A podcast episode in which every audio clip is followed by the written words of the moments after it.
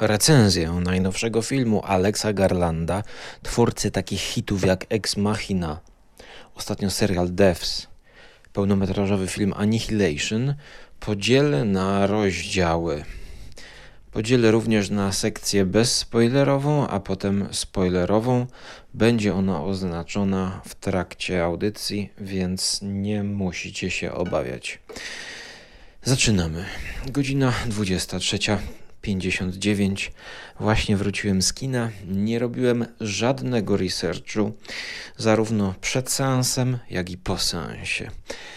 Zasiadam do mikrofonu, mówiąc, że Alex Garland ratuje mnie przed ciągle odkładanym, nagrywanym podcastem o Bibliotece Grozy, kolejnej części o Tomiku Vernon Lee.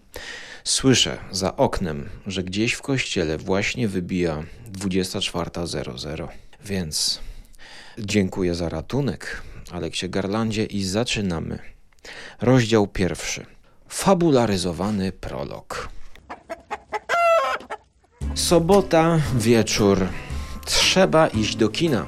Jako posiadacz karty Cinema City właśnie parzę herbatę i wybieram się do kina. Zastanawiam się, czy może spędzić ten wieczór w domu przed telewizorem, oglądając trzeci odcinek serialu Obi-Wan Kenobi, robiąc powtórkę głowy do wycierania, czy może jednak wybrać się do kina. Początkowo chciałem iść na godzinę 19.30, ale okazało się, że sala, sala jest dosyć e, zaludniona. Mm, miejsca w środku, z tyłu, a nie ma jakiejś takiej przestrzeni dla mnie. Za dużo ludzi. Zjem, pojadę na, na rower i pójdę na sens późniejszy. 21.40, doliczając reklamy. Od 10 do 24 w sobotę to świetny termin na oglądanie horroru. Men, nowy film Alexa Garlanda. Tak, chcę zobaczyć go tym bardziej, że właśnie jest mrzawka, że deszczyk pada, no i dziwny układ publiczności. Bardzo dziwny. Pięć siedzeń, pięć foteli zajętych na tylnym rzędzie. Każdy osobno oddzielony o dwa fotele od siebie. Dziwny zbieg okoliczności, ale środek sali jest cały pusty. Spokojnie. Jeszcze zaczekam z zamawianiem biletu, gdyż mogę iść w poniedziałek do kina. I zamówię to podglądając, jaki jest wynik tych e, właśnie no, zamówień, tak? bo na bieżąco można mieć podgląd sali, gdzie jakie miejsca się zajmują. Jestem już zdecydowany, żeby pójść w sobotę do kina. Mam przygotowaną chińską herbatkę Olong, która świetnie będzie pasować do klimatów wakacyjnych, bo przecież ma to być film o kobiecie, która po rozwodzie wyjeżdża odzyskać psychiczną równowagę w jakimś wiejskim domu. Domu brytyjskim, film brytyjski, nakręcony przez Brytyjczyka bodajże, klimaty brytyjskich domków. To jest świetny okres. Ale patrzę, w piątym rzędzie Tuż przed moim zamówieniem pięć kolejnych foteli zostało zarezerwowanych rządkiem. Oj. Czy ja na pewno chcę iść do kina? Kiedy grupka pięciu znajomych w sobotę wieczorem wybiera się do kina na horror? Film z plakatem reklamującym horror, z plakatem pokazującym jakiś mroczny tunel, z plakatem, który, bądźmy szczerzy, przypomina zwykły, rasowy, czy to slasher, czy thriller, czy shocker, czy jakiś po prostu młodzieżowy, rozrywkowy filmik z nożem w tle. Jest to ryzykowne, ale dobrze. Wybiorę drugą połówkę kina i siądę bliżej ekranu. Najwyżej siądę całkowicie przy ścianie, co akurat mnie przeszkadza, lubię siedzieć przy ścianie, a to dlatego, że w Cinema City na ścianach są dywany. Będę czuł się bezpiecznie. Jednak podczas seansu zacząłem się zastanawiać, czy ta piątka ludzi to nie jest czasem wy, wytwór mojej wyobraźni? Czy to nie są ludzie, którzy inaczej odbierają ten film i czy to nie są widzowie, którzy są wytworem mojej wyobraźni i przeszkadzają mi w odbiorze tej historii? A to dlatego, że oni w miejscach, w których ja się nie śmiałem, prychali śmiechem. Prychali śmiechem. Zastanawiałem się, czy te prychania śmiechem to, to znowu jakoś się wiąże z moim poczuciem winy i tego, że mnie ten film się podoba, a im no, raczej chyba nie, bo tak kpiąco prychali. Koniec prologu fabularyzowanego. Po części opartego na faktach. Teraz zaczynam luźną, recenzyjną pogadankę bezspoilerową przy zalewaniu olonga.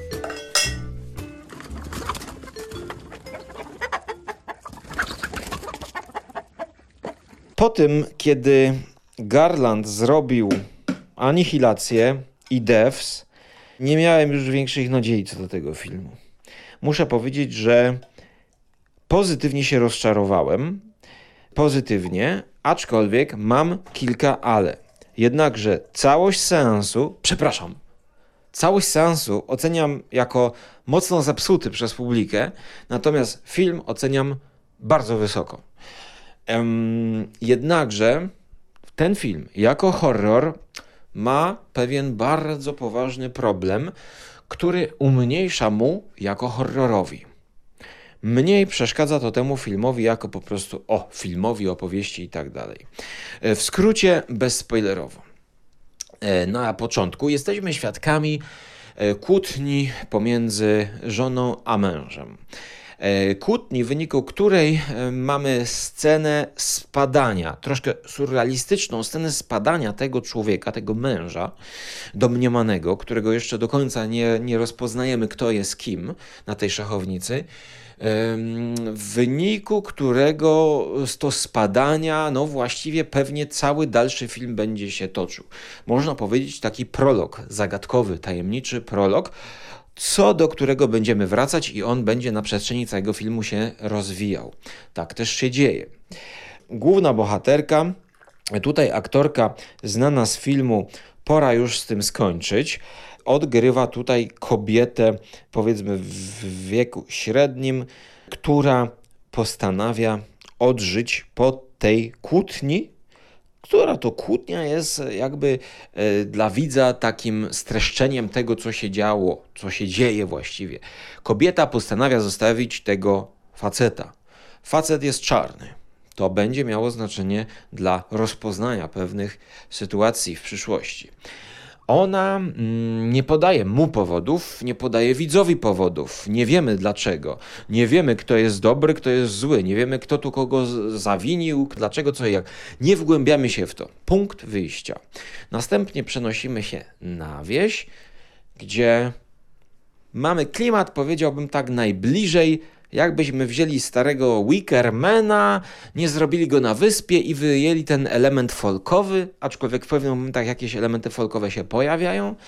Mówiąc wprost, przenosimy się do takiej countryside, jak w klimatach, które uwielbiam, czyli Ucieczka na wieś. Brytyjski film dokumentalny, e, taki trochę mokumentary powiedzmy, czy taki reality show. O, to dobre słowo, o którym opowiadałem w swoich podcastach audycji Skóry e, wielokrotnie. E, swoją drogą audycja Skóry jest sponsorowana przez patronów audycji Skóry, za którym w tym momencie właśnie niespodziewanie bardzo serdecznie dziękuję. Jeżeli ktoś chciałby się dołączyć i tym samym motywować mnie do nagrywania kolejnych pogadanek o filmach i kulturze, to zapraszam na mojego Patronite'a, e, czyli audycja z kury dlatego że mówi do Was Skóra, Łukasz Skóra. I właśnie Łukasz Skóra świetnie czuł się w tej pierwszej połowie filmu, kiedy my wraz z bohaterką poznajemy tę wioskę. Wioskę countryside, British countryside, e, pola, łąki, e, te murowane domki, te murki takie, które odgradzają dom od e, drogi. To jest klimatyczne, właśnie jak z filmu dokumentalnego reality show Escape to the Countryside bodajże. E, Brytyjczycy uwielbiają ten program. On już ma ponad 25 sezonów. E, opowiada o rodzinach, które zmieniają dom w mieście na dom na wsi. Zwykle wiąże się to właśnie z jakąś rodzinną historią. Oni zwykle przedstawiają tam na początku swoje powody, dlaczego mają udać się, dlaczego chcą zmienić swoje życie. Niektórzy z powodu emerytury, niektórzy z powodu, że im się dzieci urodziły, niektórzy, że znaleźli nowego partnera i chcą z nim zamieszkać, niektórzy, że właśnie samotni są i jadą do countryside, tak jak właśnie jest tutaj. Kobieta chce w tym domku, akurat tutaj wynajmowanym, taka powiedzmy agroturystyka, chce sobie spokojnie posiedzieć. Kim ona jest? Powoli będziemy się dowiadywać tego. Na przykład jak to, że gra na pianinie. Być może z zawodu jest yy, pianistką. Yy, nie wiemy tego, ale czego się dowiadujemy? E, dowiadujemy się tego, czego powinniśmy się dowiadywać w tego typu horrorach, czyli małomiasteczkowa społeczność. Społeczność, która tutaj, uwaga, uwaga, jest mocno ograniczona. To taki inside joke dla tych, którzy już e, oglądali film, ale spokojnie, spoilerów tutaj jeszcze nie będzie. E, do domu naszą bohaterkę wprowadza e, landlord, czyli właściciel, który pokazuje tu pani ma kuchnię, tutaj pani ma herbatę, mleko pani ma w lodówce. Tak jak w każdym domu, tutaj Great Britain, you know. I w tym momencie właśnie ja wziąłem łyka chińskiego olonga, którego również za Wasze zdrowie biorę tutaj przy mikrofonie.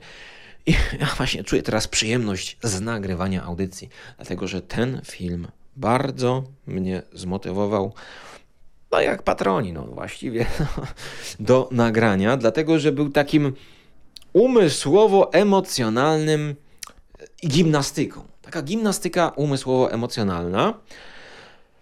Jednakże w pierwszej połowie jest to bardziej horror, a w drugiej połowie właśnie bardziej już taka intelektualistyka, powiedziałbym. No, ale jeszcze powiem o tym, co ja nawiązuję do tego British e, reality show. E, mianowicie, że tutaj też mamy właśnie to przedstawienie, przeciwstawienie się miasta, na przykład ostrych budynków, do wsi, do wiejskich terenów, zielonych łąk. I to też nam pokazuje miasto, ten nieudany najprawdopodobniej związek i zieleń. Zieleń, która pomaga nam się zrelaksować. Jak w jednych z pierwszych scen, kiedy ta kobieta wychodzi na łączkę do lasu, zwiedza, ogląda i e, za pomocą zdjęć, jakich zdjęć zaraz opiszę, możemy z nią czerpać e, siłę ze, z przyrody. W mieście kiepsko. W mieście mamy pokazany budynek z ostrym dachem, który jest nieprzyjazny, jak jakiś obcy statek kosmiczny. Tak samo jak te kły, na które nabił się spadający człowiek z okna. To jest miasto versus yy, wsi spokojna, wsi wesoła. Zastanawiam się teraz, to może przejdę trochę do opisu do bezspoilerowego opisu y, zdjęć. Tak, trzeba ten rozdział zatytułować. To jest rozdział trzeci. Rozdział trzeci, w którym recenzent e, z wyłączonym dźwiękiem ogląda trzeci odcinek przygód Obi-Wana Kenobiego nie szanując tej produkcji, żeby nie tracić czasu, mm, nie ma problemu, żeby nagrywać podcast i robić budyń, czy nawet oglądać akurat teraz jest walka Lorda Vadera z Obi-Wan Kenobim, więc troszkę tutaj powiedziałbym grzeszę, e, więc no przepraszam wszystkich fanów Star Wars, ale mnie za ten serial nikt nie przepraszał. tak więc, tak więc, wracając do tych zdjęć i natury. Trzeba powiedzieć, że te zdjęcia są mocno pokolorowane, jeśli chodzi o te wiejskie klimaty. Zieleń jest bardziej zielona, tak jak Floydzi śpiewali w High Hopes. Division Bell, 94 rok, to też brytyjska produkcja, na której okładce mamy takie właśnie zielone, zielone trawki. I tutaj trawa jest bardziej zielona. Ach, wreszcie ta kobieta poszła na łąkę i może się odstresować. Mamy wszechobecne dmuchawce. Dmuchawce, które coś nam tutaj um, będą być może mówiły. Chcę powiedzieć, i wszyscy zwrócą na to, jeżeli będą oglądać to w kinie, a ja polecam ten seans w kinie, bo ten film będę polecał zdecydowanie, e, to widzimy, że tutaj mamy płytką głębię ostrości, e, czyli mamy dużo tak zwanego masła bądź też mydła, mydła, mydła, czyli rozmycia. Mamy bardzo porozmywane tła, płytka głębia ostrości i e, jeżeli mamy bohaterkę, to ta bohaterka jakby jest skąpana w tej zieleni. E, pie, pierwsze, co jakby narzuca się to, o jakie piękne zdjęcia. No i te zdjęcia są takie malownicze, nasycone, piękne, rzeczywiście wy, wymuskane. Aczkolwiek czym dalej ja oglądałem ten film, to ja się zas zacząłem zastanawiać, czy właśnie ta płytka głębia ostrości nie jest y, złym wyborem reżysera. E, czy nie jest jej za dużo? Czy ja wolałbym więcej nie widzieć? Ja chyba wolałbym nie widzieć Obi-Wana Kenobiego podwieszonego na mm, linkach, który jest e, podnoszony do góry przez Lloyda, Lorda Vadera i chyba nie chciałbym widzieć tyle mydła E, w tej pierwszej połowie filmu, dlatego że ta pierwsza połowa filmu przez te duże rozmycia i przez całą stylistykę zdjęć, ona bardziej dąży do tej drugiej połowy już takiej powiedziałbym e, rozemocjonowanej z drugiej strony i przeintelektualizowanej, w pewnych momentach, można by powiedzieć.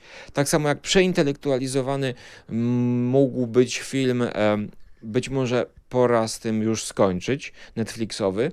E, bardzo dobry, który też bardzo polecam i będę go tutaj jeszcze przywoływał, gdyż widzę pewne punkty wspólne pomiędzy tymi filmami. E, I mm, ta pierwsza połowa, ona by zyskała troszkę, gdyby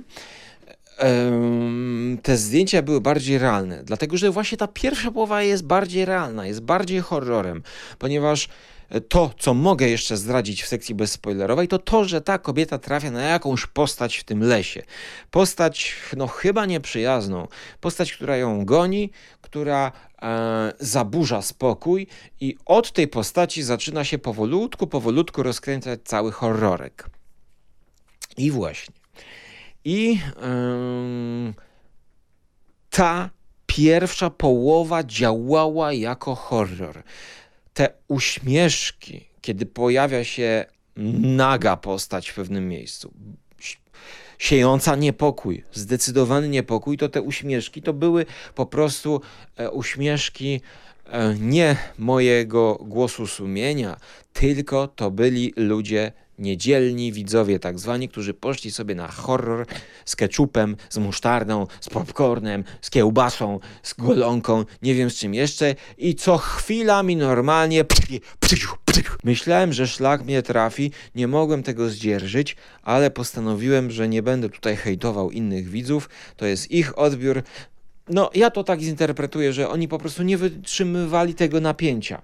Natomiast ja w tej pierwszej połowie brakowało mi, brakowało mi jednego jumpscare'a, który by jakby tutaj dał pewną satysfakcję widzowi przy świetnie utrzymanym napięciu, kiedy ta postać coraz bliżej podchodzi do tego domku i w pewnym momencie mamy swoiste home invasion, ona się zaczyna wdzierać, wdzierać, wdzierać, to świetnie budowane napięcie, ale jednak czym bardziej ta postać się wdziera do środka, tym ten film staje się być czymś innym niż w pierwszej połowie. To znaczy, nar, oczywiście on nadal jest gatunkiem na H, ale staje się czymś więcej. I o tym będę mówił w spoilerach. Natomiast po prostu ta pierwsza połowa bardziej by moim zdaniem działała horrorowo, e, gdybyśmy tam mieli jedno mocne uderzenie, no takie powiedzmy jak u Polańskiego scena z lustrem w filmie Wstręt.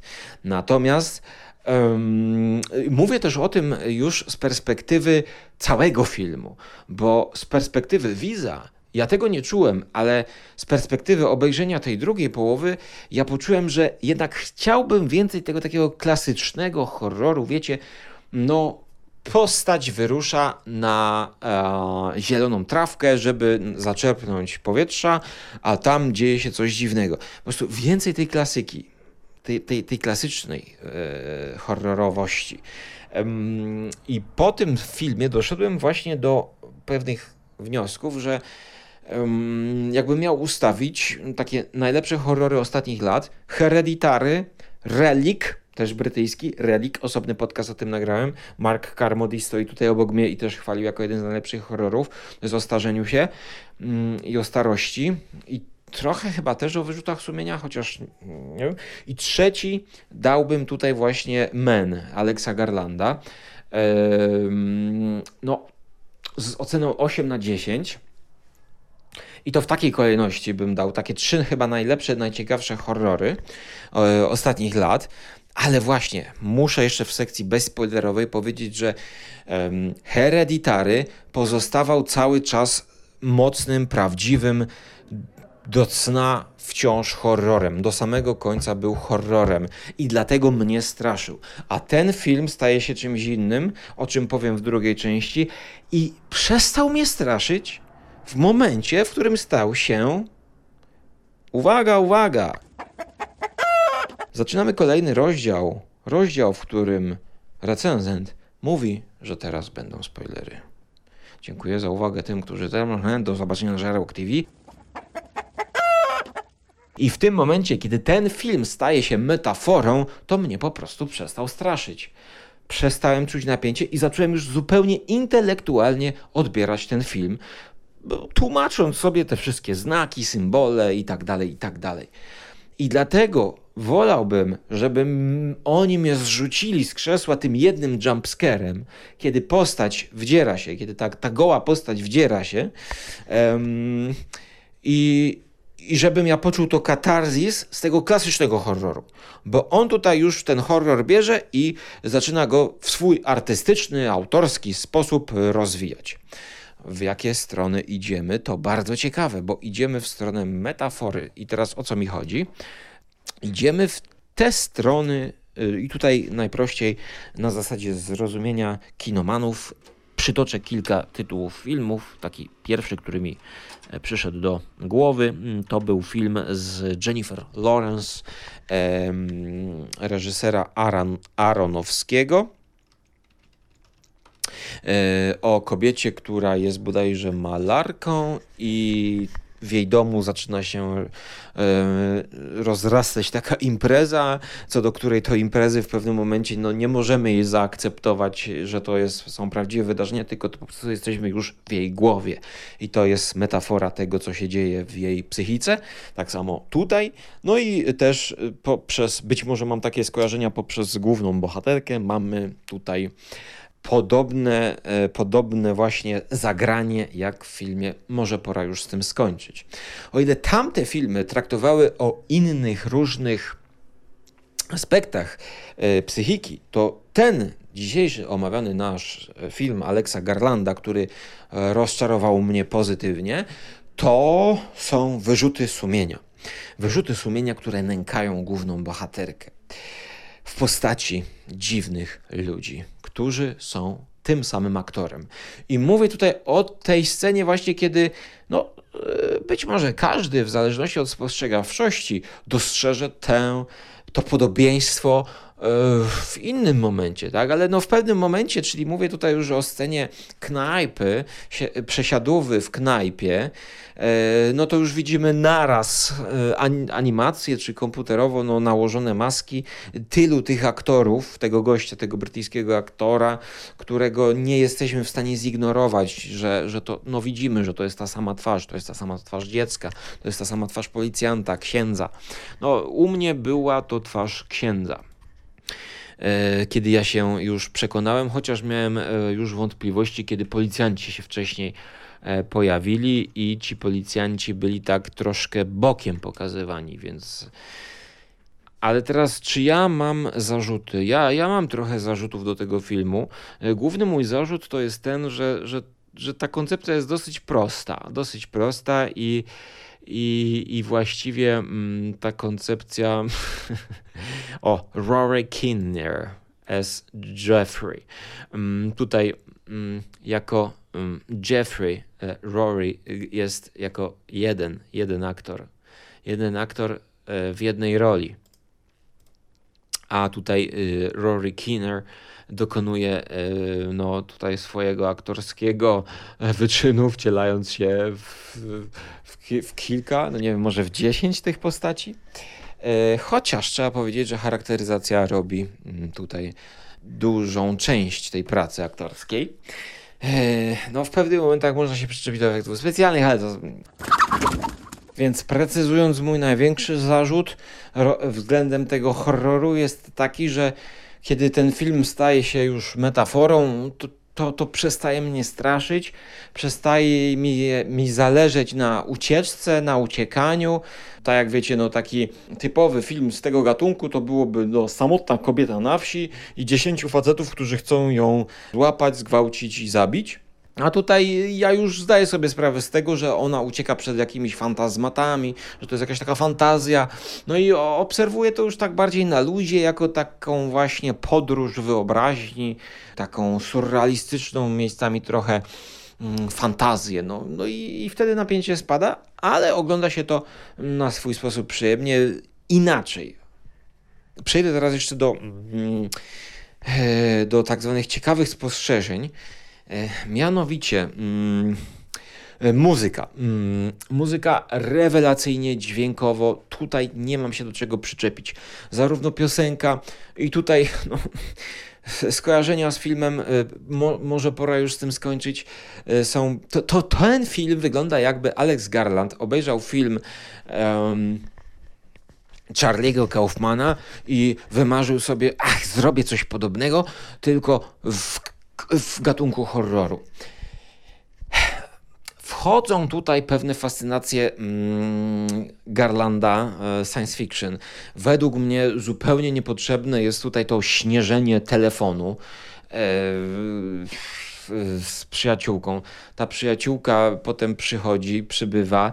Wydaje mi się, że to już może być za dużo grzybów w barszczu. No z jednej strony mamy ten telefon, który zaśnieża nam przyjaciółkę, ale też tworzy taki poszatkowany, potrzaskany obraz jej twarzy, jakby ona zębami chciała ugryźć, taka, taka brzydka twarz.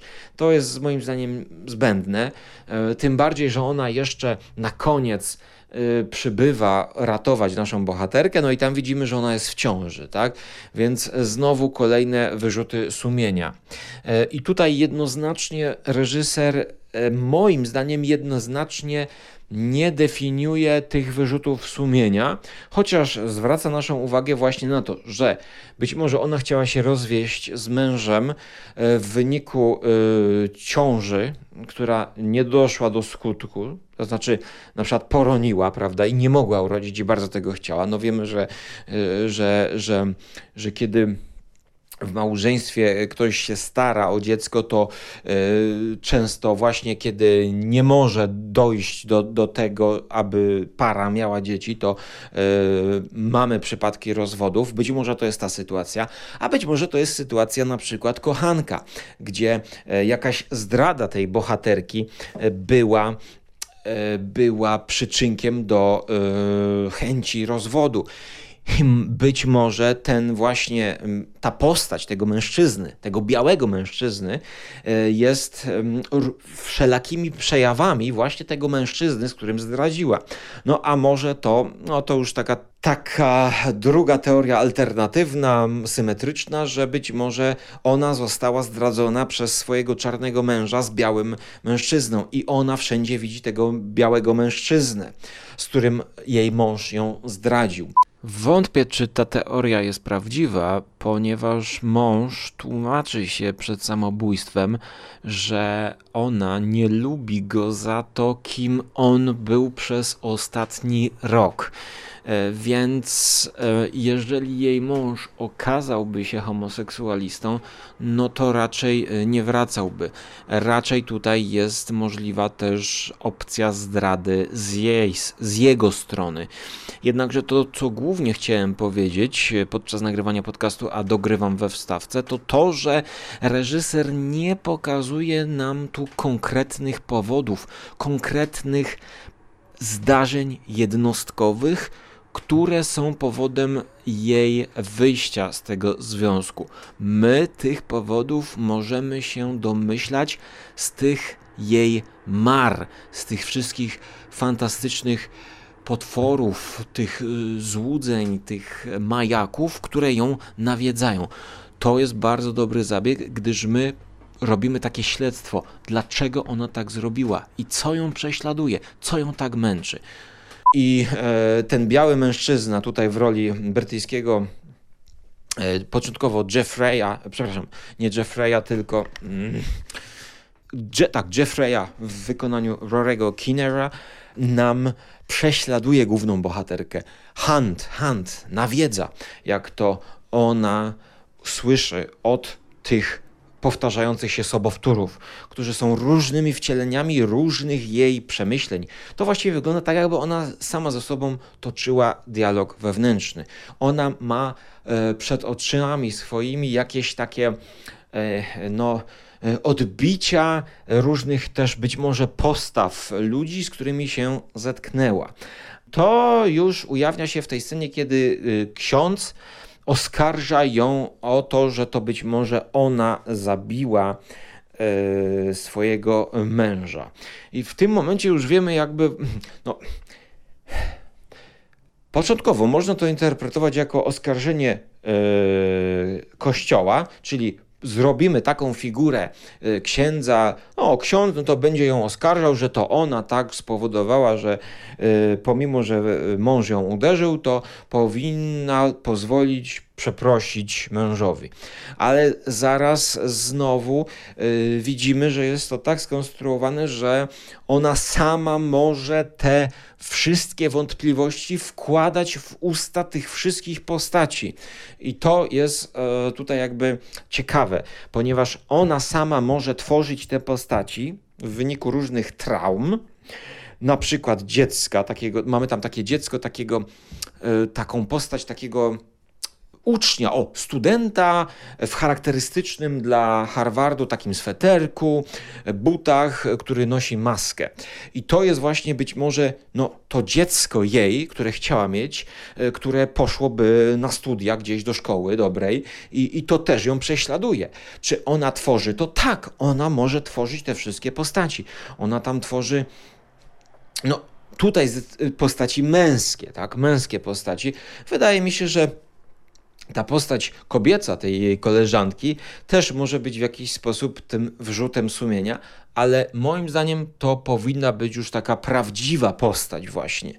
Prawdziwa postać koleżanki, która to koleżanka po prostu w życiu prawdziwym zaszła w ciążę i dlatego nie pojechała z główną bohaterką, dlatego że widok tej koleżanki jako ciężarnej kobiety dodatkowo by dobijał naszą bohaterkę.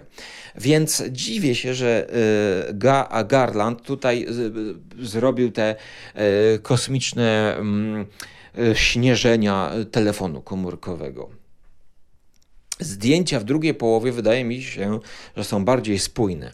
E, oczywiście są też, powiedziałbym, takie robiące wrażenie, jak na przykład e, widok bodajże drogi mlecznej e, i takiego pustego kosmosu. Bohaterka jest zostawiona sama ze sobą i ze swoimi problemami. Problemy ją prześladują. Dopiero co potrąciła jeden ze swoich problemów, jeden, jeden, jeden, jeden, jedno z traum, e, czyli jedną traumę, czyli na przykład co ona wkłada w usta tej traumy, y, to, że ktoś ją pyta, Ktoś ją pyta, jak się nazywa, czy zmieni nazwisko, czy nie zmieniła nazwisko.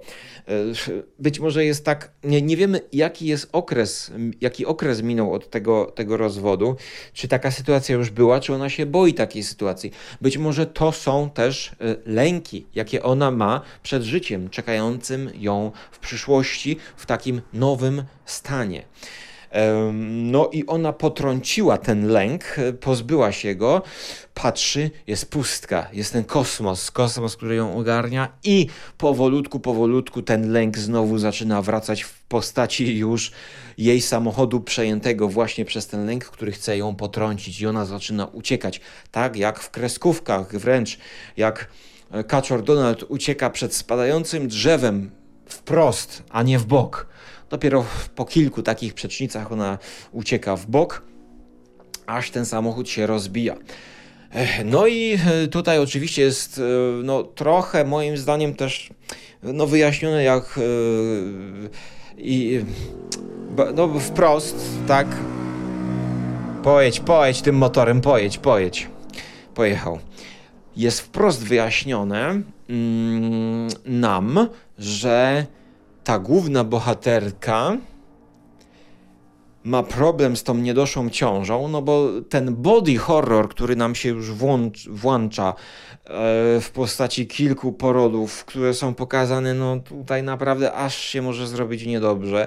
I, i, i ja nie rozumiem, jak można się śmiać w takim momencie. To, to, to jest dla mnie, to jest upadek ludzkości po prostu, jak siedzę na, w kinie. To jest upadek ludzkości. Przynajmniej tych 10 ludzi, którzy, no nie 10 właśnie, bo moim zdaniem ci, co siedzieli z przodu, to był upadek ludzkości, a ci, co siedzieli z tyłu, to się tak ustawili analogicznie do nich i, i oni siedzieli cicho.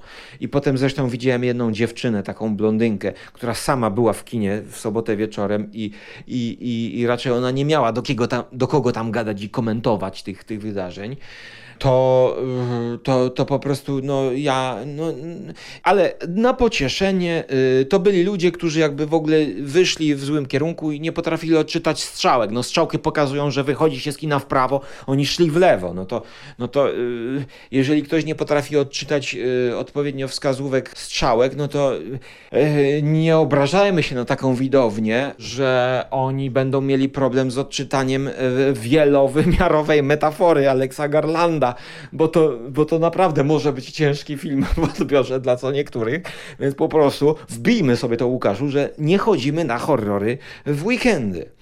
I tutaj właśnie y, wydaje mi się, że ten film w jakiś sposób też mm, mówi, jest, jest dobrym przykładem na potwierdzenie tezy, że dobry, że horror dobry to jest dla widzów inteligentnych właśnie, ponieważ ten, znaczy, no nie chcę powiedzieć, że jestem widzem inteligentnym, ale że jeżeli mamy do czynienia z dramatem, to, to ten widz jakby e, przejdzie całkowicie obojętnie powie, że po prostu jakiś nudny, nudny film, prawda, tam dramat, a tam ten kocha tamtą, ten się rzucił z mostu, jakiś dramat, no nuda, nie oglądam tego, ale jeżeli horror, to sądząc po tych takim, y, ja nawet nie jestem w stanie przytoczyć żadnej rozmowy w korytarzu, bo, bo nie podsłyszałem, ale sam ten ton, sam ten ton, jak oni wyszli i rozmawiali o tym, co zobaczyli, to, to po samym tym tonie lekceważącym dla filmu, e, albo sprowadzającym wszystko do takiego, no o, jaka to była jazda bez trzymanki.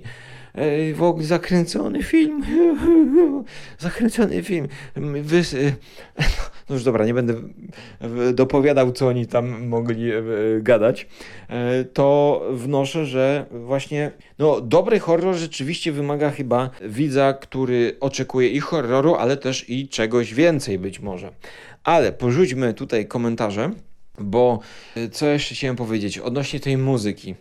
Muzyka, dużo a cappella, takich śpiewów, głosów. Y, I powiedziałbym też y, jedna piosenka, która robi robotę na cały film. Tutaj w przeciwieństwie właśnie do Infinite Storm Małgorzaty Szumowskiej, tamta piosenka w ogóle jakaś taka, no nie wiem, najgorsza z najgorszych piosenek folkowych, jaka tam mogła być dobrana. Tutaj właśnie jest no najlepsza, wpada w ucho, nie jest banalna ta melodia, jest i smutna, i wesoła, i trochę słyszana na końcu daje optymizm pewien, na początku słuchana daje smutek właśnie. No, ta sama piosenka gra inaczej, inne odczucia ewokuje na początku i na końcu. Świetnie dobrana piosenka. I muzyka. Już właśnie, no ci ludzie nawet się śmie, śmiali na muzyce. No, no jak można się śmiać na, mu, słysząc muzykę? No można się śmiać. No, zaraz powiem kiedy. Kiedy kobieta wchodzi do tunelu i robi takie echo. Harper, to, to echo się odbija, odbija, odbija. No i jest to zrobione w taki sposób, że przeradza się to w jakąś melodię. I, I ta melodia potem jest cały czas ciągnięta. Te chóry grają, w kościele pokazują um, inne oblicze tej muzyki. Ta muzyka bardzo spójna, jest właśnie taka wielogłosowa, ponieważ tutaj mamy głos kobiety, która wchodzi do tego tunelu i na końcu widzi mężczyznę. Mężczyznę, który jakieś swoje harczenie y, rzuca w nią i to echo, to harczenie atakuje dźwiękowo bohaterkę i łączy się właśnie na bazie ścieżki dźwiękowej, na bazie kompozycji y, w taki dwugłos. Głosu anielskiego, damskiego, powiedziałbym, jakiegoś takiego łagodnego, y, z tym takim y, męskim śmiechem, takim drżącym, takim niepokojącym, kpiącym, atakującym i to na ścieżce dźwiękowej przez cały film wraca, jest na różne mm, sposoby mm, aranżowane i zachęca do posłuchania muzyki Sote na słuchawkach, co też będę czynił e, w najbliższym czasie, jeżeli pojawi się to na Spotify.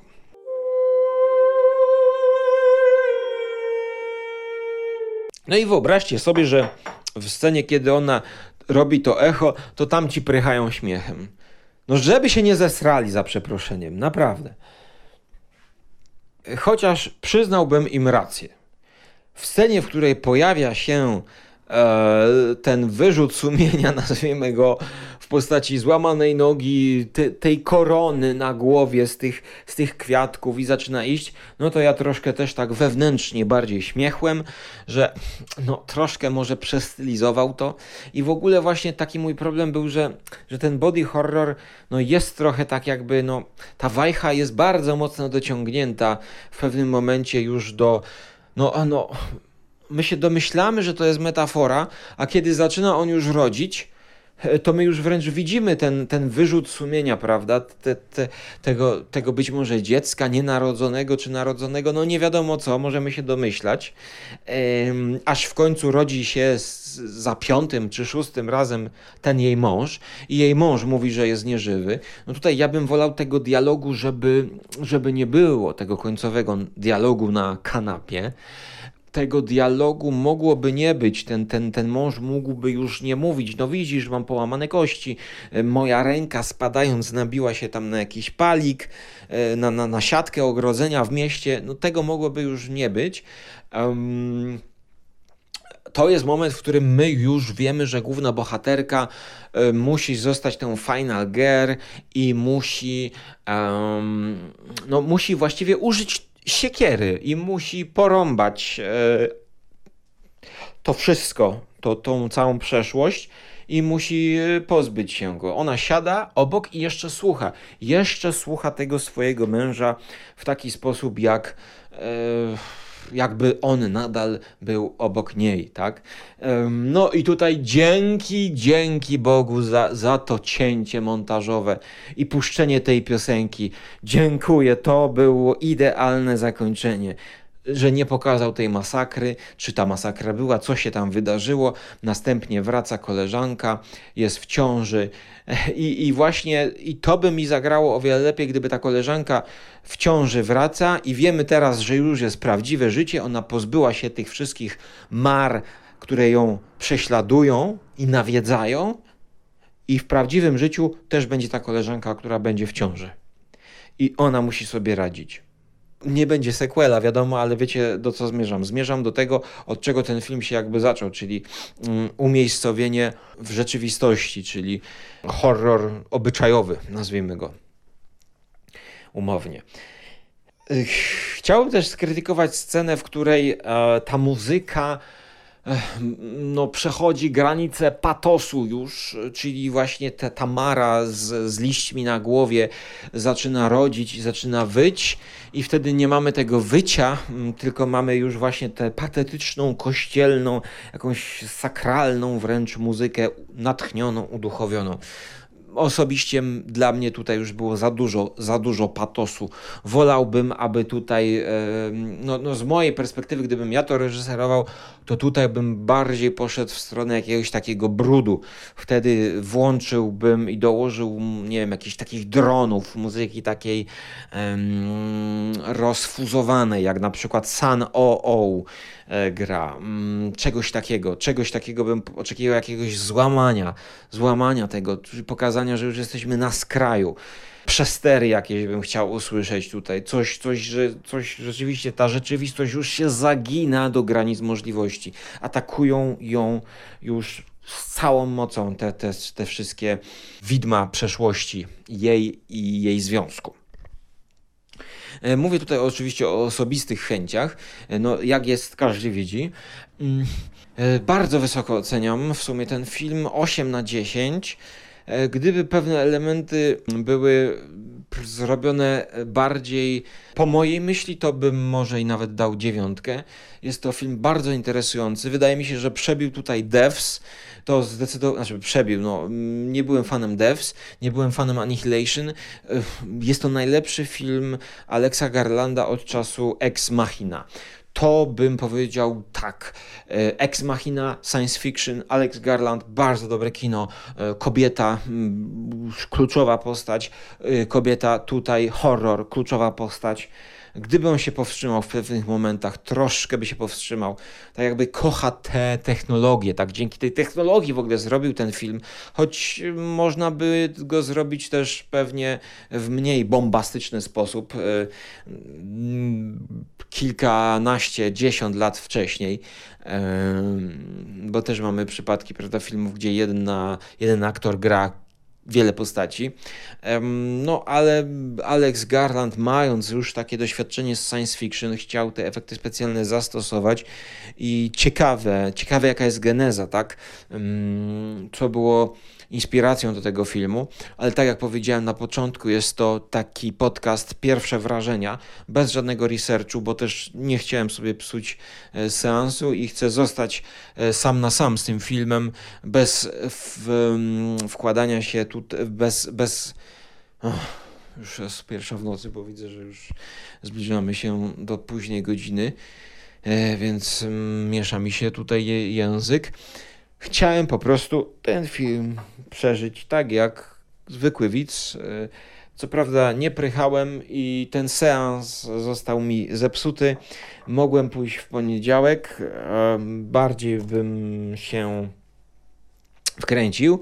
E, jest tutaj pole do, do własnych przemyśleń, kiedy ta bohaterka chodzi po tym polu, no, nomen omen polu, po lesie i właśnie przeżywa. Przeżywa ucieczkę z miasta, ucieczkę od przeszłości, ale też yy, coś ją zaczyna prześladować. Bardzo prosty koncept. E, film działa, w pierwszej połowie to na pewno, w drugiej połowie działa na inny sposób. Mógłbym ten film krytykować za to, że jest prostym konceptem, który w drugiej połowie właściwie może być dowolnymi breweriami, ponieważ tę drugą połowę można by rozegrać na 100 różnych sposobów, tak? No na przykład dlaczego, yy, nie wiem, dlaczego tam się rodzi yy, cztery razy, już przestałem liczyć, yy, tak się, dlaczego łamie nogę w pewnym momencie, tak? Tam taka złamana kostka, no, no dlaczego łamie? No równie dobrze mógłby złamać nogę w kolanie. Takie dowolne brewerie. No gdyby wymyślił tam na przykład, hmm, nie wiem, jakiegoś innego e, wykoślawionego stwora, to też mo można by to kupić, tak? E, na przykład, no, dlaczego te listki na głowie? Zaraz ktoś będzie bawił się w odszyfrowywanie tego, tego posągu i, i, tłumaczył to, że to jest jakieś tam, nie wiem, bóstwo folkowe, jakieś bóstwo, które właśnie w folk horrorze, jeżeli byśmy to traktowali jako folk horror, to znaczyłoby to i tamto. Ja bym wolał tej drugiej połowie takiej czystości e, gatunkowej więcej. No wystarczyłby mi ten jeden potwór, ten jeden taki poród. Powiem wam, że, że ci ludzie już nie wiedzieli, on, oni nie wiedzieli co robić. W ogóle chyba pierwszy raz widzieli taki film. A kamera Alexa Garlanda jak u Lucio Fulciego. Prosto na główkę wychodzącą z pochwy. Po prostu bezkompromisowo pokazujemy wszystko. Podobnie jak zresztą scena ze sztyletem, to ja myślałem, no mm, Lucio Fulci tak by to nakręcił, ten, ten wychodzący nóż. Nie, nie wychodzący, no tak, nóż wychodzący i przecinający jedną rękę na pół.